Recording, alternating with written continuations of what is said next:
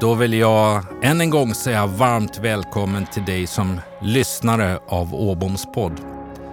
Ja, det har hunnit att bli 39 avsnitt i och med dagens podd. Det är fantastiskt. Tänk att eh, få gå ifrån att säga kanske ska jag göra fem stycken och nu sitter jag här i poddstudion igen och gör det för 39 gången.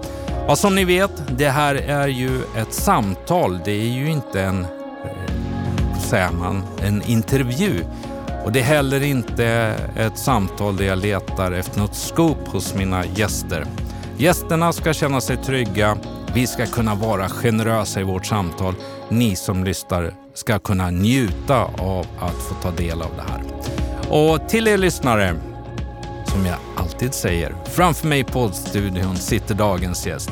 En trevlig, glad, vänlig och en erfaren person med en intressant och inspirerande bakgrund i sin karriär och jag skulle också vilja lägga till kreatör i sin karriär.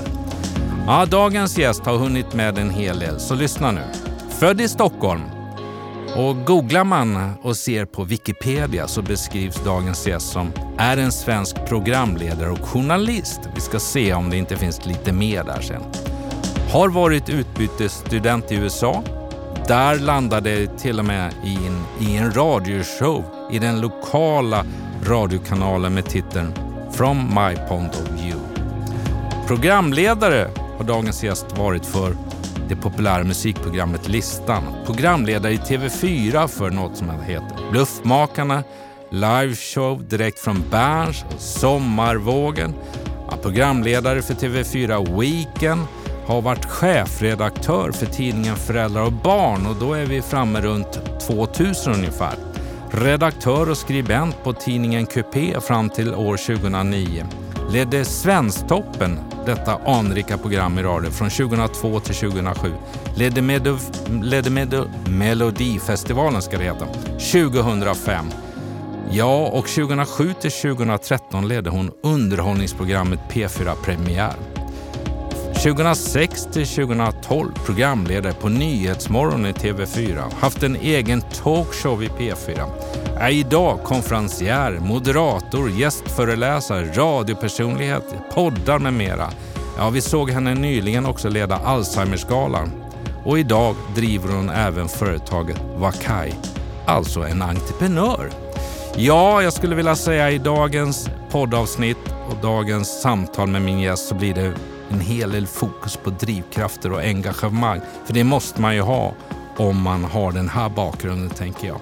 Med den inledningen så säger jag varmt välkommen till ingen mindre än Annika Jankell.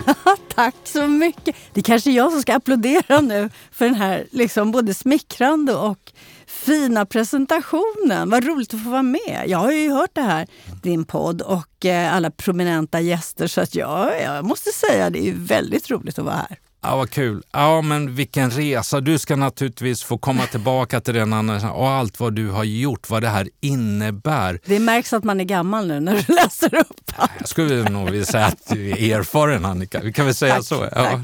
Ja. Min podd, 39 avsnittet, har haft en otrolig förmån att träffa så många inspirerande människor. Jag åker härifrån varje gång med en, en skön känsla, du vet, man varm inombords, mm. fått med sig en hel del av, av gästerna. Och det är ju det jag vill dela med mig, det jag brinner att kunna vara i det här formatet, i den här om man säger, kanalen Åbomspodd, att få dela med mig av de här samtalen till människor som jag tror behöver det, som kommer att få hjälp, tips och idéer. Och det är vad det här handlar om. Och det ska vi prata om med dig. Det, det, är en väldigt fin och, bra ambition som du har, tycker jag. Och generös framför allt. Och jag eh, eh, känner ingen press. Nej, jag gör inte det. Och vi har inte klippt ett, ett enda avsnitt hittills, så det är ingen mm, press. Nej då, ingen alls. Men vi har en rutinerad gäst som ni har. Men kan vi inte börja med den? Nu har jag liksom skannat och se vad jag kan mm. hitta på nätet och så vidare om det, Annika. Men vad finns det mer? Vad kan du inledningsvis i vårt samtal berätta om? Vem är Annika Jankell? Ja, jag skulle nog säga, det, det är intressant, eh, en, en sak som slog mig när du läste upp eh, alla de här olika sakerna, så tänker jag just att eh, jag är verkligen en person som inte går bakåt så ofta. Jag är väldigt närvarande i nuet skulle jag säga och jag ser det som en tillgång. Eh, att jag ältar inte så mycket bakåt. Jag är liksom, det är väl en drivkraft att jag är är oerhört nyfiken. Eh, det kan både vara bra, eller det är bra, men det kan också vara att jag är lite för nyfiken ibland. Men som journalist så är ju det en bra egenskap skulle jag säga. Jag vill alltid veta lite mer om allt och alla. Eh, så det skulle jag nästan säga är en stor eh, hobby jag har. Att jag har ett... Eh, mina känselspröt är alltid sådär på, kan man säga. Um, men, men som sagt, jag har... Om jag ska beskriva mig själv så är nog nyfikenhet ett, ett av, av eh, de ord som skulle beskriva mig. Jag är nog ganska um, liksom, ja, glad och trevlig sa du. Det var ju snällt sagt. Jag, jag har nog ett ganska stabilt psyke skulle jag snarare säga. Ehm, jag... Eh, brukar säga själv när jag ska beskriva människor som är starka att det är de som vågar blotta sina svagheter. Det ser jag som, som styrka och det jobbar jag alltid på. För många tror att jag går omkring och är glad jämt och det är såklart att jag inte är. Men jag eh, har nog en, en, ganska bra på att, att eh, vad ska jag säga, hitta den där eh, glädjen, eller vad man ska kalla det för. Hos, hos, liksom, och den är bra att ha, för jag är ganska social. Mm. Eh, och möter människor hela, hela tiden. Och då är det ju bra att kunna ha ett, ett stabilt, liksom ett lugn och en, en, en glädje. Men, men den här, när man ser vilka liksom, program och i vilka sammanhang du har varit och så vidare. Men finns det ett liv utanför för det här också? Mm. där du är Annika? Eh, ja och nej, svarar jag på den frågan. Därför att jag har alltid haft som ambition att inte förställa mig. Eh, det där att man är en person i, i, i, i, sin yrkesroll och sen en annan privat. Eh, jag skulle nog... Jag, jag, tror att jag är ganska mig själv i alla situationer. Däremot kan man ju, har man ju olika jag ska säga, delpersonligheter beroende på vad som krävs av en. Jag är nog ganska snabb på att plocka fram, men utan att sådär på ett krystat sätt förställa mig. Att sätta på mig yrkeshatten eller tjänsteflinet. Utan att mera sådär... Jag tror att jag är ganska anpassningsbar. Jag är ganska snabb på att sätta mig in i i de situationer jag är i och vad som är förväntat av mig. Liksom. Det tror jag är någonting som eh, både privat och i min yrkesroll. Mm. Och det, det, har nog med den där nyfikenheten att göra. Att, ja. Nuläge. Mm. Eh, vi gick ju några år tillbaka i tiden i inledningen om, om de mm. olika delarna i tv och radio har gjort. Nuläge, entreprenör. Mm. Uttalar jag det rätt? Vakai? Wakai, det är precis. Det är jättebra ord. Snackar du japanska mycket? Inte innan vi började podden om man säger så. Nej, då ska jag lära dig vad det betyder. För det här är ett ord du kommer gilla. Wakai är japanska och det betyder yang eller yang at heart. Man kan böja det lite eller ha, ha lite olika betydelser. Men framförallt så är det ett, ett uttryck som man använder för att beskriva en personlighet. Och den här personligheten är någon som är större än sin ålder. Det vill säga, vi kan ta ett exempel. Vi kan ta Meryl Streep. Hon är en wakai, säger man i Japan. Varför då? Jo, för att vi bryr oss inte om hon är eh, 48, 56 eller 65. Hon är Meryl Streep. Hon är en stor personlighet. Och det här behöver ju naturligtvis inte handla om kända personer utan det kan handla om vem som helst som, är, som gör sin grej utan att ängslas över att oj, jag är för gammal för det här mm. eller att identifiera sig med sin ålder. Utan en vakaj är någon som gör det hon vill eller han eller hen vill och som är eh, nyfiken på livet och eh, inte, inte känner att oj, nu är jag i den här åldern och då förväntas det att jag ska vara så här eller så här. Det är en Vakaj och vårt bolag heter det för att vi jobbar med att lyfta målgruppen 45 plus i sociala medier. Det är Vakaj. Bra va? Ja, fantastiskt. Eh, för då blir min följdfråga, följdfråga Annika, nämligen det finns ju lite grann av ålderism i Sverige. Som mm -hmm. Där eh, ja, du ska gå i pension när du är 65 mm. eller 67, mm. vad man nu väljer, 62. Eh, du ska göra det. Eh, är man som jag nu och träffar headhunter så har jag sprungit på några som säger, men du är lite gammal. -hmm. Ja. Det där är eh, tyvärr sant att ålderismen är ju, och inte minst i Sverige så har vi ju eh, verkligen många exempel på det. Om man jämför till exempel i många andra länder där presidenterna är inte att träffa sådana headhunters om vi säger så. Nej. Men eh, jag skulle säga så här, det är det lite vi kämpar med. För vi får inte glömma att det paradigmskifte som vi är i just nu, och då talar jag inte bara om samhället utan jag talar även om in, på individnivå. Vi är i ett otroligt paradigmskifte som egentligen innebär större, en större förändring än när vi gick från jordbrukssamhället till industrialismen. Eh, och, och, jag talar naturligtvis om digitaliseringen och om jämställdheten. Det här gör, eh, när det kommer till digitaliseringen, att vi har varit tvungna att förändra oss. Speciellt vi som har vuxit upp i en analog värld och konverterat in i digitaliseringens underbara värld. Det gör att vi beter oss snarare som våra unga vuxna barn som har fått hela digitaliseringen i bröstmjölken. Mm. Så vi följer snarare dem, hur vi liksom, våra vanor när det gäller att titta på, ja, titta på liksom tv eller titta på sitta framför våra skärmar eller sitta och, och liksom scrolla i våra mobiler. Vi följer snarare deras beteenden, de ungas beteenden, än att vi eh, följer våra föräldrars beteenden. Så det är en stor förändring. Och vi suddar därmed också ut åldersgränserna. Vi har andra kontaktytor och vi har liksom en, en, en, en, en annan, om man jämför bara för 20 år sedan när en människa fyllde 50, ja men då var det inget konstigt om man lindade in en käpp i blom, med blommor. För att det var ett tecken på att nu du, idag om, jag, om någon skulle få en, en käpp med blommor när fyller, eller han eller hen fyller 50, då skulle det vara så här, skulle man slå käppen i huvudet på den som gav. Vi har liksom ändrat lite vårt sätt att, att liksom förhålla oss till vår ålder. Och det här har skett under den här digitaliseringen.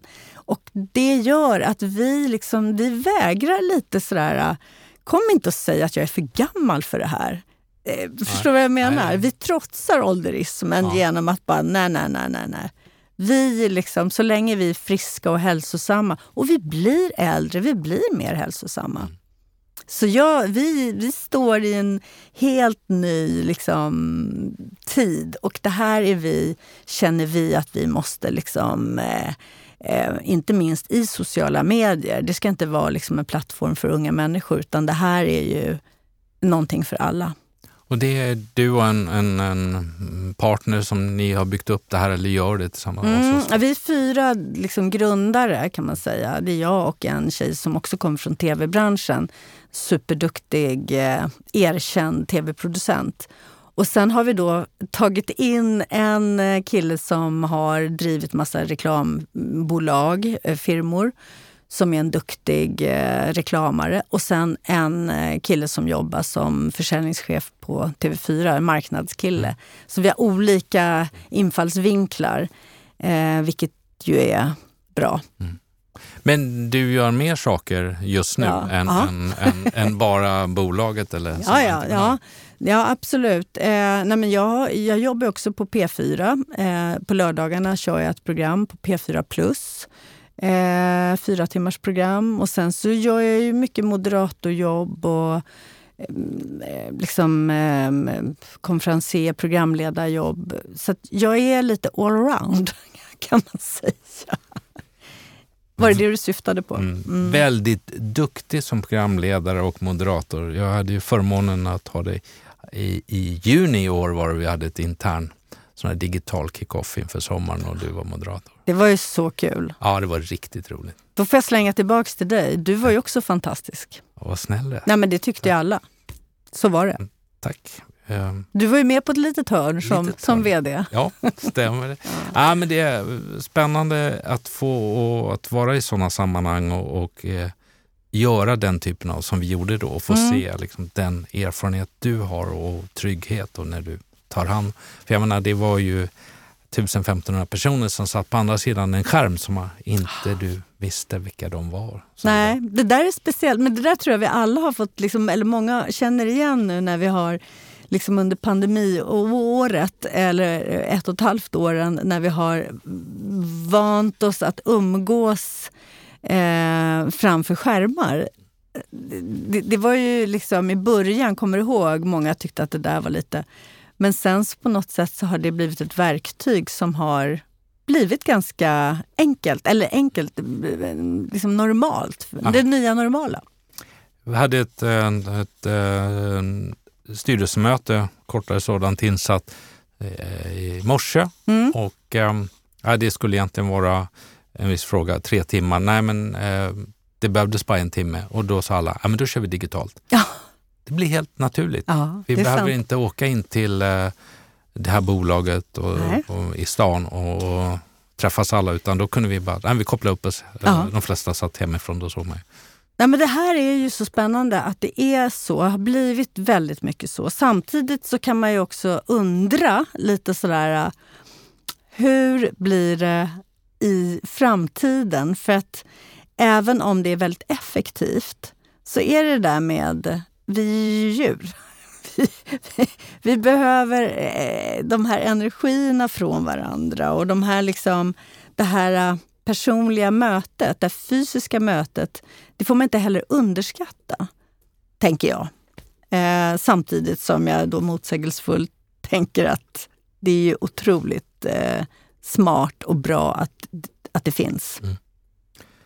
Under din karriär mm. kan man säga så här, Annika, du har inte varit eh, vd så att säga, i ett börsbolag eller ett miljardbolag på något sätt. Eh, nu är du liksom ledare i ditt eh, egna bolag, men du har jobbat i stora organisationer med, med ledare och du dessutom träffar många ledare mm. i, i de olika uppdragen du har. Mm. Vad skulle du säga, med tanke på att det är en ledarskapspodd, vad skulle du säga om, om ledarskapets resa under en 10, 15, 20 års period och vad vi är idag? Vad ser du? Ja, jag, jag, ser ganska mycket som har hänt. Jag är otroligt intresserad av det här med ledarskap. Eh, till att börja med vill jag säga. Jag ska snart svara. Mm. Nej, men jag, jag, vill bara säga eh, något kort. För eh, mina funderingar kring ledarskap är bland annat då, eh, som de flockdjur som jag just sa att vi är. I, i, eh, i djurens värld, där finns det alltid en naturlig ledare. Eh, och eh, liksom som väljs ut då på grund av liksom störst eller smartast eller vad det nu kan, kan vara. Eh, och jag tänker så här, har vi människor, är vissa födda till naturliga ledare? För jag tycker när man går in i ett rum att man kan känna av direkt utan att veta vem, eller liksom, det kan även vara på en skolgård de här naturliga ledarna i olika sällskap. Det behöver inte vara i stora industrier eller företag utan även i sociala sällskap så kan det vara den naturliga ledaren. Flockledaren mm. tänker jag på. Och jag tycker det där är så oerhört intressant. Vad är det då för egenskaper den här personen har? Är det ett gott självförtroende eller är det förmågan att se andra? Att kunna entusiasmera? därmed delegera och så vidare. Att se liksom, hur ska jag leda den här skocken i rätt riktning. Liksom. Så det där har jag funderat väldigt mycket på, inte minst för att vi har så mycket ledarskapsutbildningar. Det plöjs in miljarder i att liksom forma de här bra ledarna. Och då tänker jag alltid så här, hmm, eh, min bransch, då, journalistbranschen, där är det ofta, in, inte alltid, men det är ofta har man sett när man har, har jobbat då på större medieföretag att ibland är det så att man undrar hur kommer det sig att den här personen fick en, en, en ledarroll? Mm. Är det för att han eller hon har jobbat länge här så att det är liksom dags nu att kliv, steppa upp. En så, belöning efter många års tjänst så att säga. Ja, men lite så. Precis. Eller så här att ibland har jag tänkt, okej, okay, du är väldigt duktig journalist men du är en usel ledare. Alltså, förstår du vad jag menar? Ja, eh, och så tänker jag då, den här usla ledaren, kan han bli bättre eller hon genom att gå massa ledarskapsutbildningar? Ja, svaret måste ju vara att, säkert bättre i alla fall. Eh, men frågan är, kan vem som helst bli en riktigt bra ledare? Det är en fråga som jag maler, alltid har malt eh, hos mig. Jag tycker det är oerhört intressant. När du frågade om vad jag tycker mig ha sett de senaste 10-15 åren så ser jag att de här ledarna som pekar med, med hela handen eh, och har den där auktoriteten som, som, som det var lite förr i världen. Här kommer chefen. Eh, där märker man ju att det har blivit en trend, och det kanske är tack vare mycket ledarskapsutbildningar, att, eh, att man ska vara nära sina medarbetare och att man ska premiera då egenskaper som att, att se, se folk växa eller liera sig med människor som är mycket bättre än en själv och våga stå för det. Och att det är en enormt bra ledaregenskap tror jag eller smart i alla fall, att, så här, att inte vara så, ha så mycket prestige utan att snarare veta vad man vill och vilka man liksom har under sig. Som helst är mm. superbra på, på sina områden, tänker jag. Att det, det, så, så jag tycker att det har blivit mer, det jag, min spaning, ja det har blivit en förändring. Sen, sen eh, är det naturligtvis fortfarande många företag som har eh, ehm, den liksom mer gammeldags leda, ledaren på sina företag som, som folk är lite kanske rädda för. Eller liksom, eh, men, men jag tror att den, den moderna chefen är närmre sina medarbetare och eh, är driven av ett vi. Och det tror jag psykologiskt är, är framtiden. När jag började i ett bolag när jag var 25-26 år, det var en koncern med dotterbolag, då mötte jag en äldre vd i det dotterbolag, det ena dotterbolaget.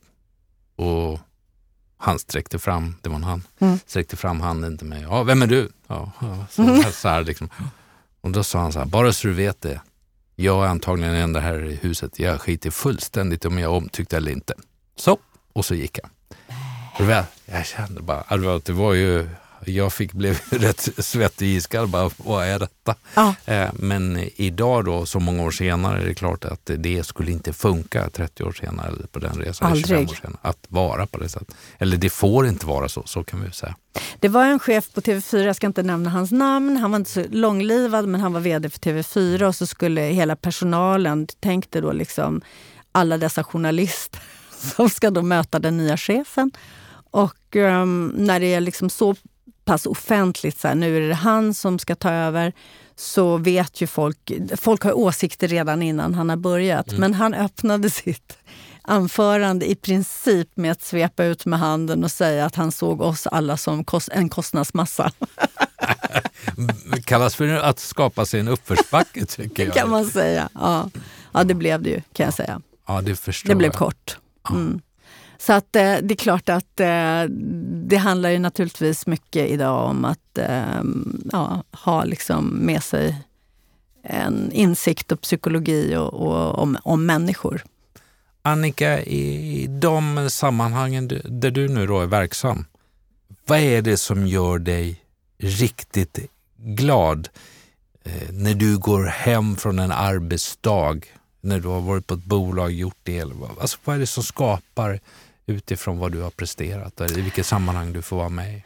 Bra fråga. Eh, ja, jag är ju aldrig 100% nöjd och det är en drivkraft. Eh, jag är inte sådär att jag känner mig mätt och belåten. Och, för jag har alltid, alltid haft den där, eh, man kan alltid göra allting lite bättre. Men, men, men ändå så, eh, när jag känner den där känslan, den där glada känslan, det är när jag märker att jag har gjort mitt jobb. Och att jag har eh, kanske gjort någon nöjd eller att jag har fått ett scoop. Eller att, eh, beroende på sammanhanget förstås. Men just den där känslan av att jag inte har slarvat. För jag tror att där är jag lite...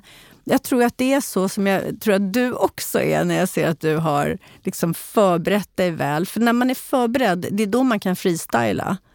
Eh, när man inte, och man vet ju alltid med sig. Man vet ju det. Man kan egentligen inte slarva. För att när man, när man gör det och tror att man så här, jag kan det här, jag kan göra det här lite med vänsterhanden. Det är då det ofta uppstår, det kan uppstå nervositet, det kan uppstå ja, men såna där äh, idiotiska misstag. Eh, men när man är, känner att man har kontroll, då kan man ju också ta ut svängarna på ett annat sätt. Mm. Och det gillar jag. Den känslan, det är en, det är en känsla att vara tillfredsställd och att inte... Men, men samtidigt så är det ju det där att eh, jag hittar ju alltid... Så här, varför, nu glömde jag ställa den där frågan. Jag borde ha. Men, men det, nu har jag jobbat så pass länge så att jag på något sätt också har vant mig vid att det är bra när jag känner så. Blir det så för dig? För det var intressant nu när jag sitter med proffs. För jag kan känna så här inför när jag står på scenen när jag gör så efter, ah, det där skulle jag ha sagt mm. eller något. Mm. Eh, och då är jag ju en amatör jämfört med... Alltså blir det även så för dig? Att jag du... tror, ja, absolut. Jag kommer, jag kommer ihåg när jag... Ett sånt där prestigejobb som jag fick, det var hela svenska näringslivet som var där på plats för Al Gore den forna ex-presidenten, eh, var och skulle hålla ett föredrag. Och jag tror att folk hade betalt 3000 spänn för biljetterna. Och de, som, de här företagsledarna som hade köpt, du kanske var där, eh, hade mm. köpt de här, så här meet and greet-biljetter. De fick pröjsa 5000 tror jag, det var enormt. Då fick man liksom gå, ja, du vet den klassiska meet and greet-bilden fick man då på köpet. Hur som haver, och jag skulle sitta och snicksnacka då på en stor scen med Al Gore i 30 minuter och jag hade jag hade verkligen förberett mig och när det är på den där nivån då ska det ju gås igenom. Det är inte så att man får, får freestyla för att man måste ju lämna in så här Q&As före. Liksom. De, de har ju råkoll de här jänkarna. Som, mm. sådär, så att jag hade ju då eh, skickat in och det var enorm, enorma förberedelser. Och sen träffade jag då Mr Gore eh, och hans stab då av nervösa du vet, crewet runt honom som, som var... De var bestod. fler än en. Du, de var fler än, det var som en rockstjärna. Liksom. Så, och alla, den ena var viktigare än, än, den andra. Men Al Gore själv, han var ju underbar. Så jag fick ju feeling.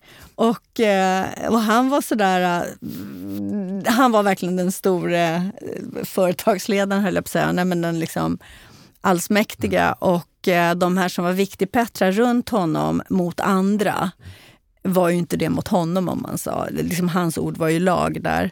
Och, eh, och då var det så här att det var en person som jag hade, hade liksom bakom honom så att säga, som hela tiden höll tid på, stod med mina manus. Han visste exakt frågorna. Mm. yep. och, och, en annan stod med tidtagaruret. Men Al Gore var ju störtskön. Så han började prata och ställde någon fråga till mig. Sen så kom det naturligt för mig, någon följdfråga på någonting han sa. Och då såg jag de här ögonen bakom honom spärras upp som att det där står inte i manus. och det var så, och då var det någon fråga, och jag kommer tyvärr inte ihåg nu exakt vad det var som jag kände efteråt när vi ändå hade en sån bra, det blev så bra. Mm. Att jag, jag, skulle ha frågat det här och struntat i den där bakom honom. Ja, för jag hade det. någon sån där lite kittlande, lite, lite laddad fråga ja. som kanske eh, inte var så bekväm men som jag hade kunnat ställa. Och jag kommer ihåg att jag, Även fast alla var så nöjda och det gick så bra så var jag ändå gick jag därifrån med fasen att jag inte passade på när jag ändå hade chansen. Han hade ju svarat, han hade ju garvat, han, hade ju, han var ju på det humöret. Han var på det humöret. Ni hade byggt upp, ni hade fått kemin Vi fick en jätte, jättebra kemi. Jättebra. Mm. Ja.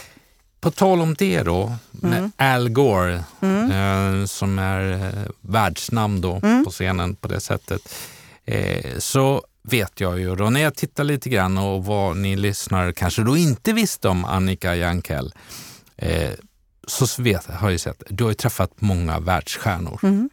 Ehm, du har dansat ballett i unga år, Mm. eller hur? Mm. Eh, du är ambassadör för Alzheimersfonden. Mm, absolut. Ehm, Och för FNs eh, projekt, alltså Svenska FN-förbundets eh, projekt Flicka. Där är jag där ambassadör. är ambassadör. Nu avbröt jag dig. Nej, Det absolut inte. Det är ditt samtal. Så. Nej, det är vårt samtal. Men du, världsstjärnor då? Vad, ehm, vilka har, vad har imponerat? Al Gore imponerade på det sättet. Ja, det var ju liksom en längre... Sen har jag gjort otaliga intervjuer med... med eh, jag gjorde ett specialprogram, det kan jag berätta, det var kul, med Sting. Jag åkte ner till Schweiz med, det här gick i TV4 och det, det var... ehm, det var ju lite nervöst. Dels för att han var lite av en, en idol, jag har alltid gillat Sting. Eh, och i och med att det skulle vara ett helt liksom, program.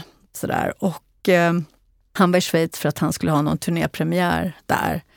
Och vi träffas. Eh, och det var så otroligt. Det är så roligt för att de här stjärnorna, de är ju precis som Al Gore, omgivna av eh, en stab, ett en entourage av eh, viktiga pettrar Mm. som, som har förhållningsorder och liksom man känner sig, liksom, det känns som man ska träffa Gud på riktigt. Eh, de får en att känna sig väldigt liten. Sen när man kliver in, det är som att mm, en spaning där eller en röd tråd oavsett det är liksom Rod Stewart eller Sting eller Madonna eller vem vi nu ska ta av de jag träffat så är de ofta väldigt avslappnade, de som är på toppen. För de har ingenting att bevisa, de är inte så prestigiga. Så att, och, och med Sting var det sådär helt fantastiskt. Han lärde mig att dricka örtte för att han, och han, han var så oerhört leisure, alltså lättpratad och trevlig och en engelsk eh, gentleman. Eh, och det var också sådär, och det var samma med, jag var i London och gjorde också ett specialprogram med Rod Stewart. Och det var lite likt, för då var det också sådär, eh, den där staben som var otroligt tufft. Det var ett lyxhotell i, i London. Och vi var några reportrar från olika länder då som skulle få eh, ha liksom en, en e- personlig intervju med Rod Stewart. och det var liksom, jag satt där med någon tysk och någon spanjor och vi var alla satt med våra manus och liksom och så var det liksom, ha nu är tyskens tur och sen, ja. Och det blev förseningar så man förstod, ah, vad konstigt det här är. Men sen var det min tur och då var det liksom, det var väl eh, så att jag fick min tid på eftermiddagen så det var lite sådär eh, ehm, kort om tid. Tyckte i alla fall agenten eller managern eller vad det nu var som då så att det var väldigt så här, ah, you have 25 minutes. Jag bara, well no, I have 45. That's, det är liksom vad det står här. But now we're late, så det är liksom, du får förhålla dig till det här stenhård. Och så går jag in i den här sviten där Mr Stewart befinner sig. Och han är bara, hello! Hur underbar som helst. Och han är så störtskön så att han blir kreativ och säger han frågar mig om jag har sett filmen eh, In bed with Madonna som var aktuell precis just då. En turnéfilm som, som var väldigt mycket omtalad. Och då så sa jag, ja, jo men jag har faktiskt sett den, jag såg den alldeles nyss. Så han bara, ska vi inte göra det lite kul? Ska vi inte kalla den här, det här programmet för In bed with Rod Stewart? Så kan jag ligga i sängen, kan du sitta i fåtöljen bredvid. Jag bara, det är en lysande idé. Så vi fick bubba om i kameran och sånt där. Och sen hette hela programmet In bed with Rod Stewart. Och när de där 25 minuterna hade gått, då, det, det hände ingenting för de vågade väl liksom inte. Men sen när det hade gått kanske 35 minuter, då kom det en sån här lätt diffus knackning. Och, och Rod Stewart bara, oh, no, we're in the middle of something here. Och jag tror jag fick en timme och en kvart. Är det sant? Och liksom, de var ju som änglar mot honom, såklart. Guldkalven. Men, men eh, min poäng med det här är att ofta så har jag upplevt just det där att de här stjärnorna, de är så proffsiga, de är så rutinerade, de är så avslappnade. Du lyssnar på Åboms podd. Åboms podd är producerad i nära samarbete med Butikstrender, Styrelseinstitutet och Red Means Go. Men kan det också ha en koppling till dig och din personlighet? För att jag skrev, eller jag, jag har ju pratat med någon inför den här podden och då så säger personen att ja men glöm inte Annika till exempel. Hon var med och skrev om hela svenska pophistorien tillsammans med en person som heter Staffan Dopping när de gjorde listan 1987. Och det hittade jag, har du sett den här bilden? Ah, den är så söt på er Åh, två. Gud, nu kan vi inte visa den för er lyssnare, men, men eh, googla på Annika. Ni har en hel helg att gå igenom allt på nätet kan jag säga. Men, det, men den är häftig. Alltså, Ja, då var Du man har ung, ju- ung och blond. ja, det är en liten eh, kornblå fluga. Ja, då. Mm. Men, men Ja. kan det inte vara kopplat till din personlighet? Du skapar Men- saker, Annika. Ja, ja, Öppna var, dörrar. Ja, det var snällt. Nej, men jag tror att det har med, och det tror jag inte är, det var det jag lite sa så här, initialt, det här att jag gör nog ingen skillnad på, jag är så nyfiken, genuint, och jag är inte mer intresserad egentligen om jag möter ehm, en, en, en känd eh, person eller en superstjärna. Eh, även, alltså sen, sen är det självklart att jag har sån respekt för vissa människor som man har läst om och man kanske har följt sådär i deras karriärer. Men, men, men jag tror inte att jag gör så stor att det märks någon skillnad om jag möter vem jag än möter så kommer frågor från mig. Och, så här. och det är klart att det kanske känns att, det är, att jag är, är genuint intresserad. Oavsett det är liksom eh, killen i Pressbyrån eller om det är eh, Rod Stewart. Faktiskt. Så det kanske, kanske är så. Jag ställde nämligen eh, några frågor till eh, ett par personer. Och fy vad läskigt. nu blir jag rädd. Så skrev jag så här, eller skrev, men jag skrev ner det. Aha. Så här beskrivs Annika Jankell som person i några. Första var hon så här, rolig. Okej, Och så, rolig. ja. och så inom parentes som, ja nu säger vi inte svordomar i, i, i vare sig tv eller i podden då, Hur men många bokstäver? eh, tre. Oh, börjar på F. Ja. Vad, Ja. vad glad jag blir. Eh, Vem var det? det talar jag inte om. Nähä. Mina, det är väl som, är det så som journalist, man får inte avslöja sina källor? eller? Exakt. Ja, det var, jag försökte, jag Ehm, testade dig bara här. eh, Matvrak Ja, av rang. av rang. Eh, Jo, men jag äter nog, jag har nog hög förbränning för jag äter en, som en stor stark karl höll jag på att säga. Men, nej, men jag, jag har nog eh, eh, bra, jag har god aptit, ja. Det där var lite så här Mm. med glimten i ögat. Mm. Smart, Tack. Tack för och den. också inom parentes som tre bokstäver. Jag, jag eh, blir glad. Det fjärde, alltid enormt omtänksam. Och det femte då som hänger ihop med det här, en person med ett stort hjärta.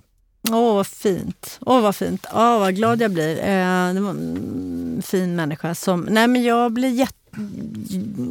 Åh, vad ska jag säga? Man blir ju, man blir ju smickrad. Ja, men eh, det ska du ta åt det här. Men jag tänker på att med de personer du har träffat, nu har vi pratat om några på, de, på världsscenen, men du har också träffat många på den svenska scenen, om man nu får säga så, och, och, utan att göra någon värdering och skillnad. Och du öppnar dörrarna. Jag såg dig på Alzheimers eh, eh, gala på internationella Alzheimersdagen. Det har du gjort nu två år i rad Mm, digitalt otrolig närvaro. Där kommer de in som titlarna är krångliga som bara den för forskare hit och dit och eh, olika saker och, och, och latinska ord. Men du, du bara där. Alla känner sig välkomna. Men det tror jag, är- jag brukar säga så här att när man är programledare, som journalist och programledare så är man ju egentligen länken. Man får inte glömma det, utan jag är länken mellan den som lyssnar eller tittar och den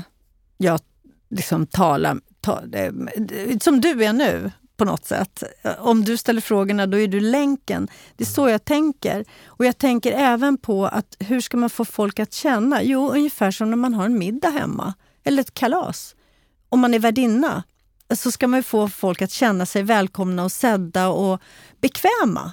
Och det är egentligen så enkelt är det. Att det tycker jag är min roll. Och kanske ibland då så vara så pass påläst så att jag kan förstå ett sammanhang där det kanske är lite komplicerade ord, titlar, terminologi. Att göra det, ta ner det till, till liksom de som tittar. För jag har hunnit läsa på innan, men den som tittar kanske lyssnar för första gången eller ser för första gången. Och man brukar säga så här, in, inom journalistiken brukar man säga att de bästa frågorna är egentligen de dumma frågorna. Det vill säga dumma, det vill säga inte så att låtsas vara lika smart som forskaren som är specialiserad i ett visst ämne. Bara för att jag ska liksom här, visa mig på styva li, linan. Min roll är inte att visa mig på styva linan. Min roll är att göra det begripligt, försöka förstå. Att våga säga, men nu, nu förstår inte jag. Kan du göra, förenkla det? Kan du, kan du förklara vad du menar så att, så att jag förstår? Att våga säga det, det är bra.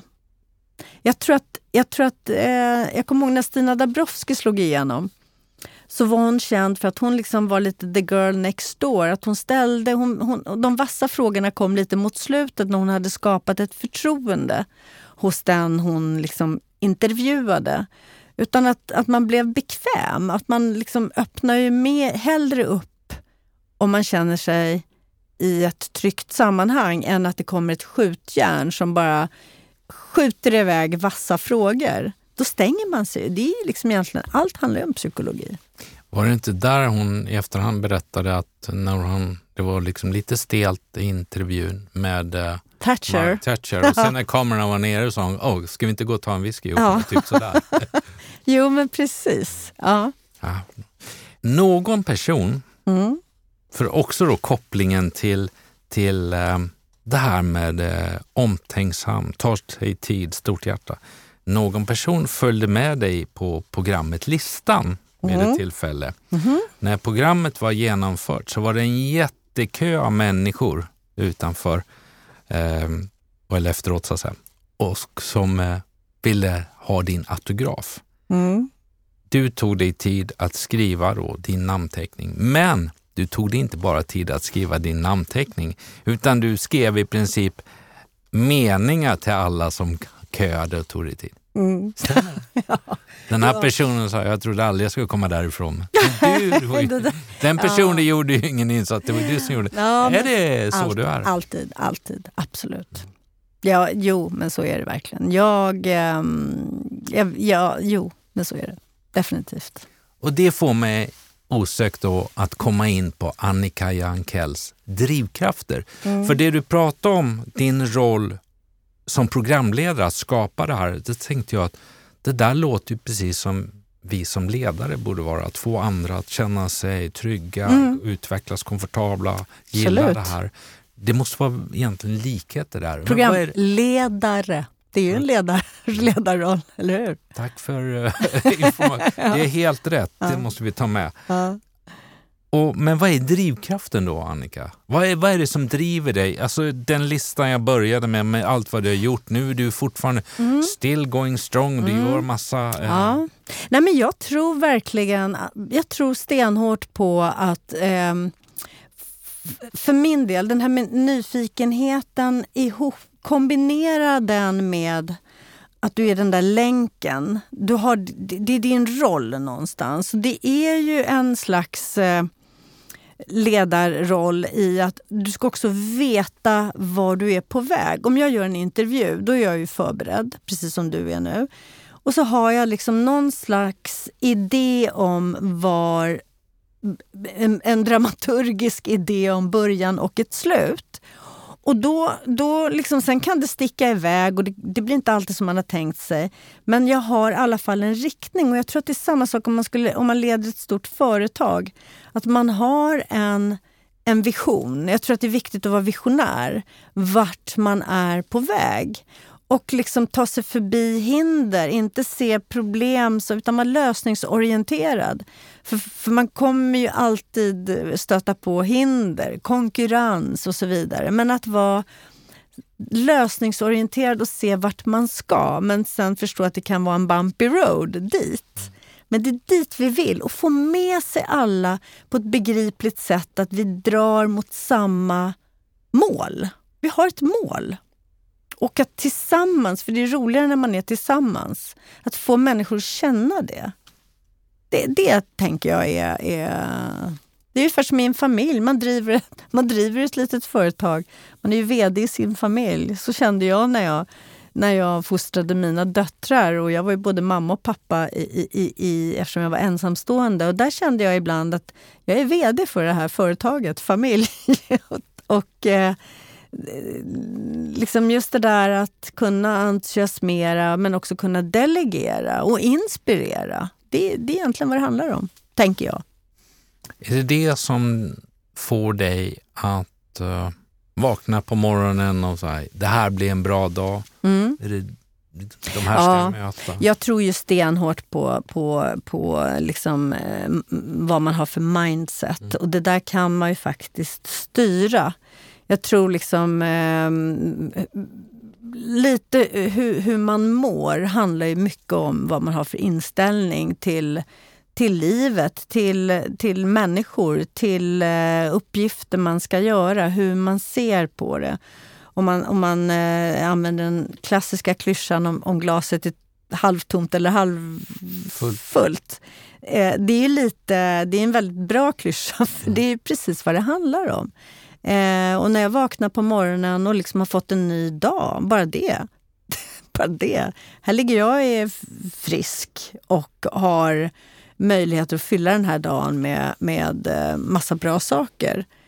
Jag förstår varför de säger, mm, många som, som mm, coachar folk att tänka bättre, att de säger att de ska skriva ner listor, så här tacksamhetslistor. Jag förstår effekten av att göra det, för har man inte ett bra mindset och vill lära sig att bli en mer positiv människa mm, så, så tror jag, och inte liksom eh, fylla det inre med massa negationer, då tror jag på det här att börja fokusera och tänka på allt man har istället för att tänka på det man inte har.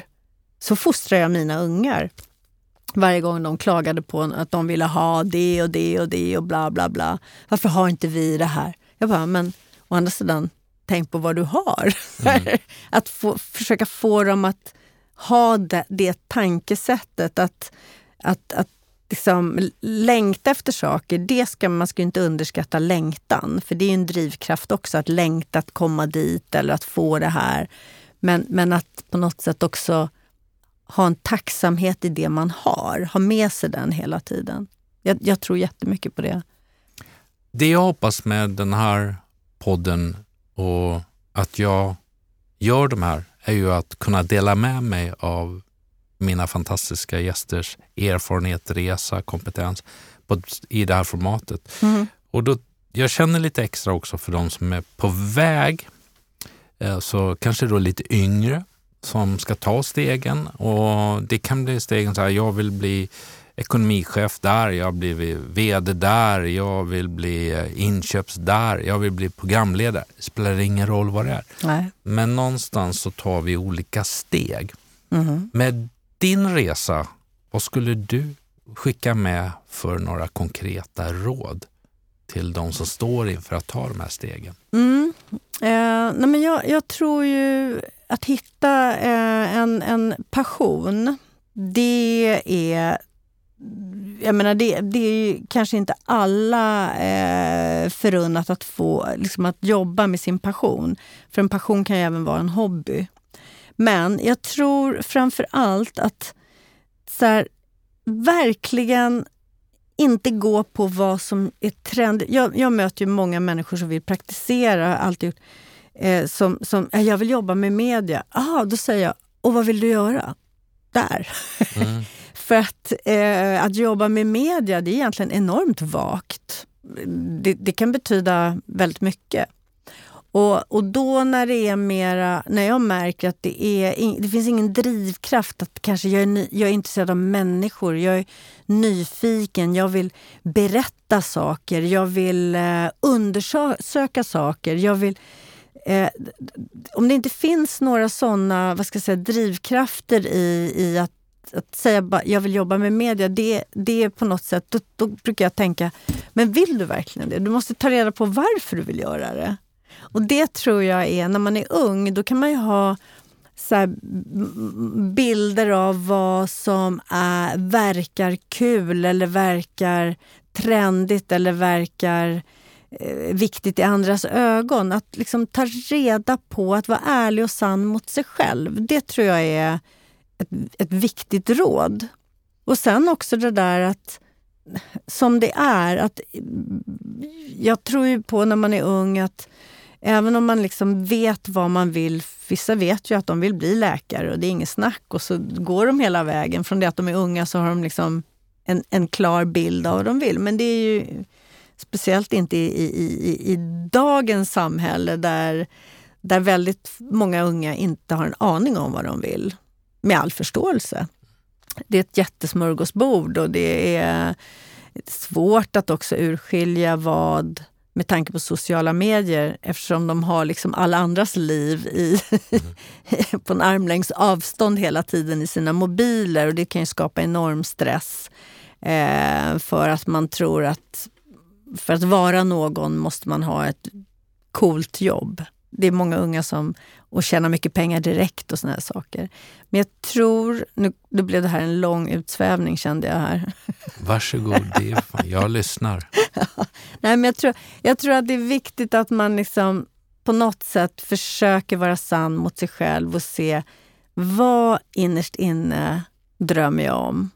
Och hittar man det, då kan man börja ta de där små stegen dit. Man behöver inte bli färdig direkt. Och det tror jag är viktigt att säga till unga människor att man kan ha ett mål där framme, men vägen dit kan vara lite lång. Att gå kurser. Kommer du inte in på, det här, på universitetet, ta kurser. Gör si, gör så. Men, men, men liksom, känn inte att du måste vara färdigpaketerad direkt, utan njut av varje steg, tänker jag.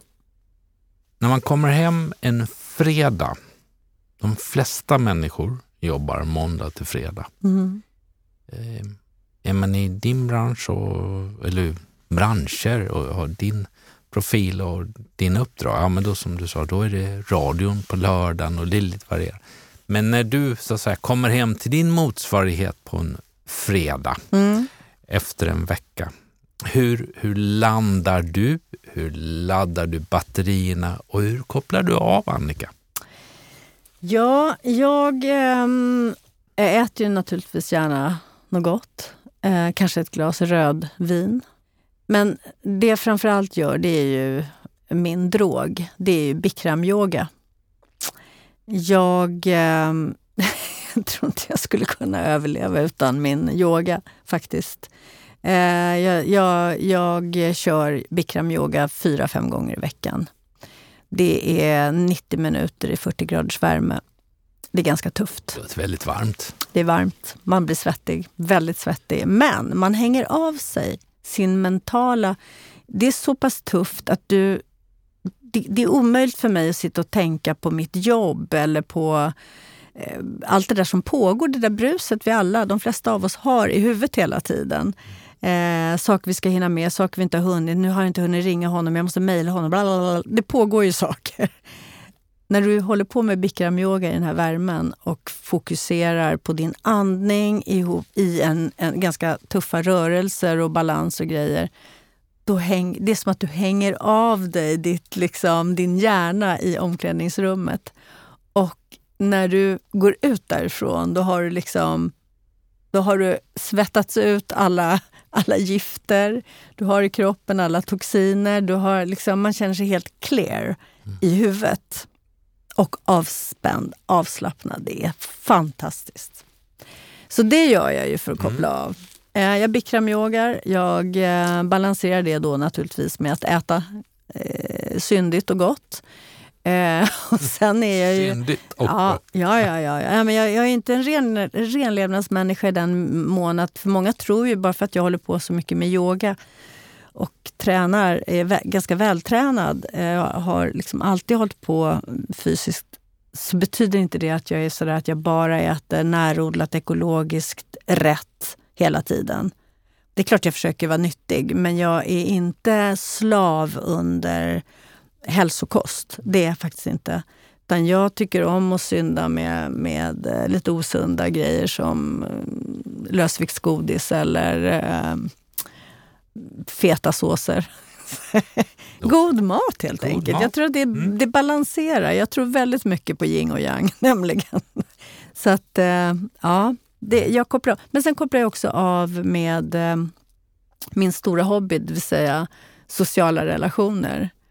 Jag är ju väldigt eh, mån om mina vänner och jag tycker om att umgås med folk. Så det, det, det tar ganska mycket av min vad ska jag säga, lediga helg. Det gör det. Mm. Mm.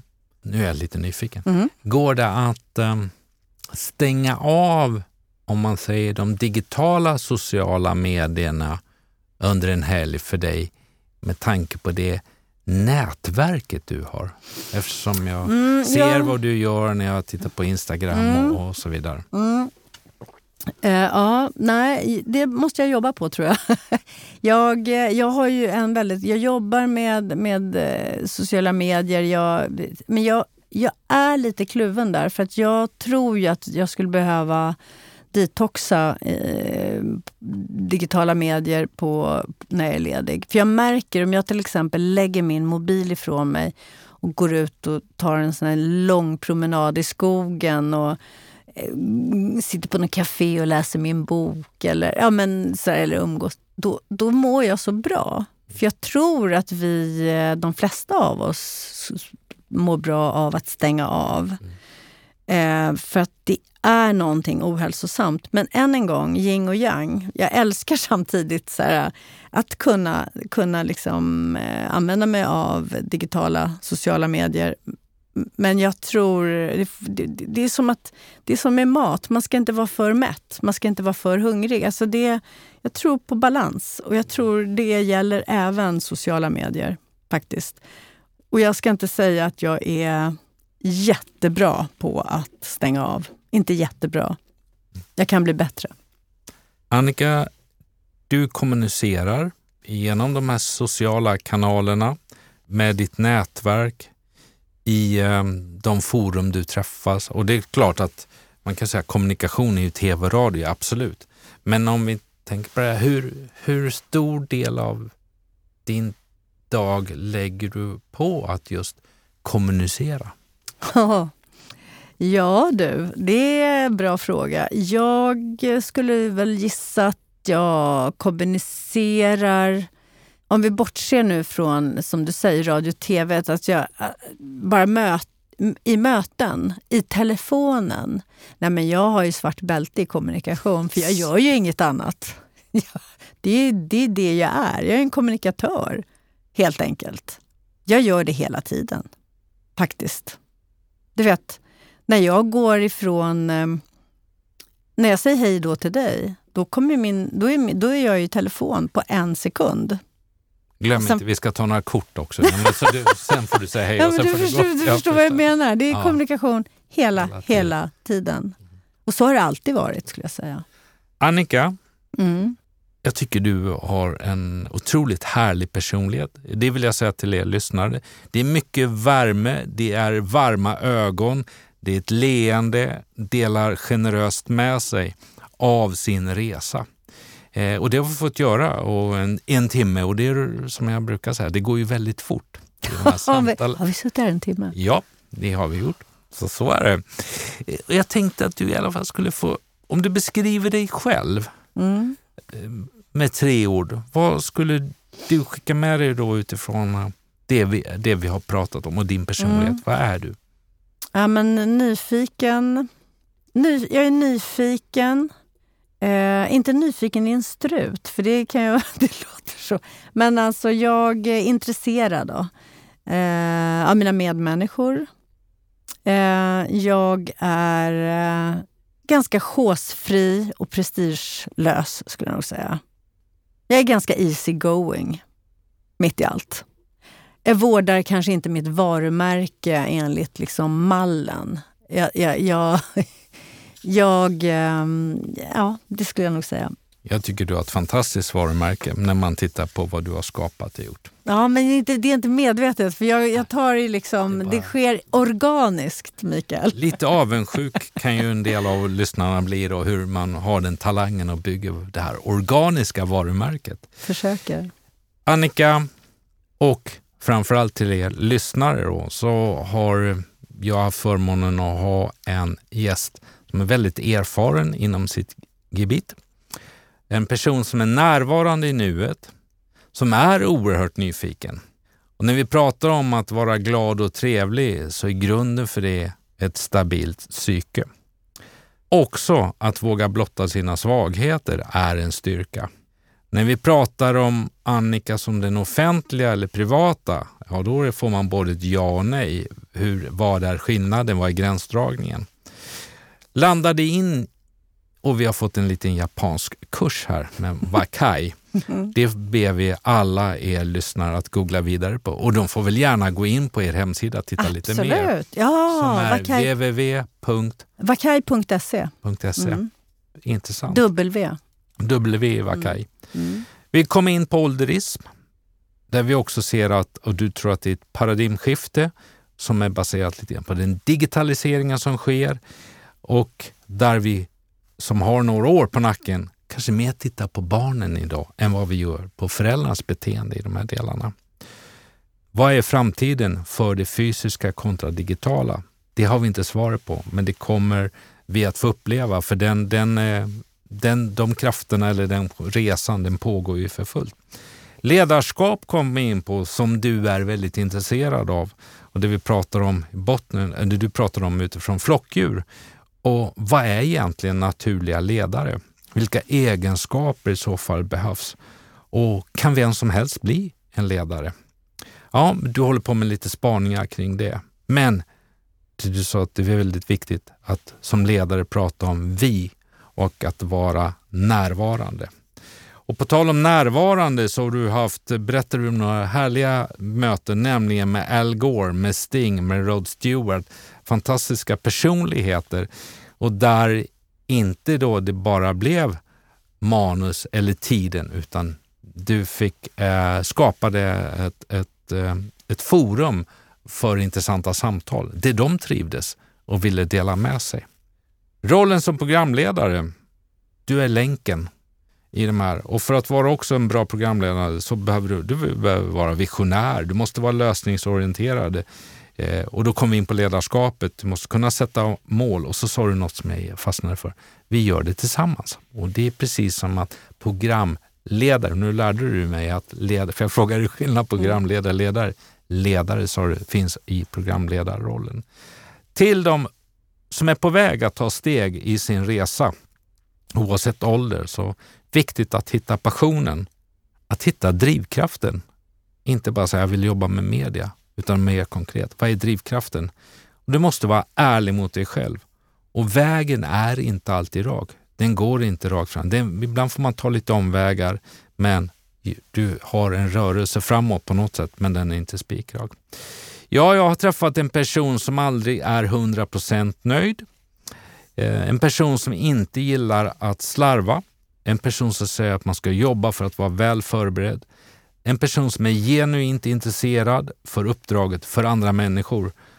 En som har varit VD för familjen kan man säga. Som idag är dessutom entreprenör. En person som äter syndigt och gott. Eh, som laddar genom att fyra till fem gånger i veckan göra sin Bikram yoga 40 grader varmt. Som älskar sociala relationer som kanske har en liten utmaning med balansen då, att stänga av eller inte. Och en person, dagens gäst, har svart bälte i kommunikation. Vilken förmån att få ha Annika Jankell som gäst i Åboms podd. Ja, det var fantastiskt. Då vill jag bara tillägga en grej. Bara genom det här du sa nu, det säger en sak som du har, som kanske är den viktigaste i all kommunikation. Du är en jäkel på att lyssna fantastiskt att vara närvarande i nuet. Du fick ju med allt vi har pratat om. Jag är imponerad. Jag är mycket imponerad, Micke. Tack snälla.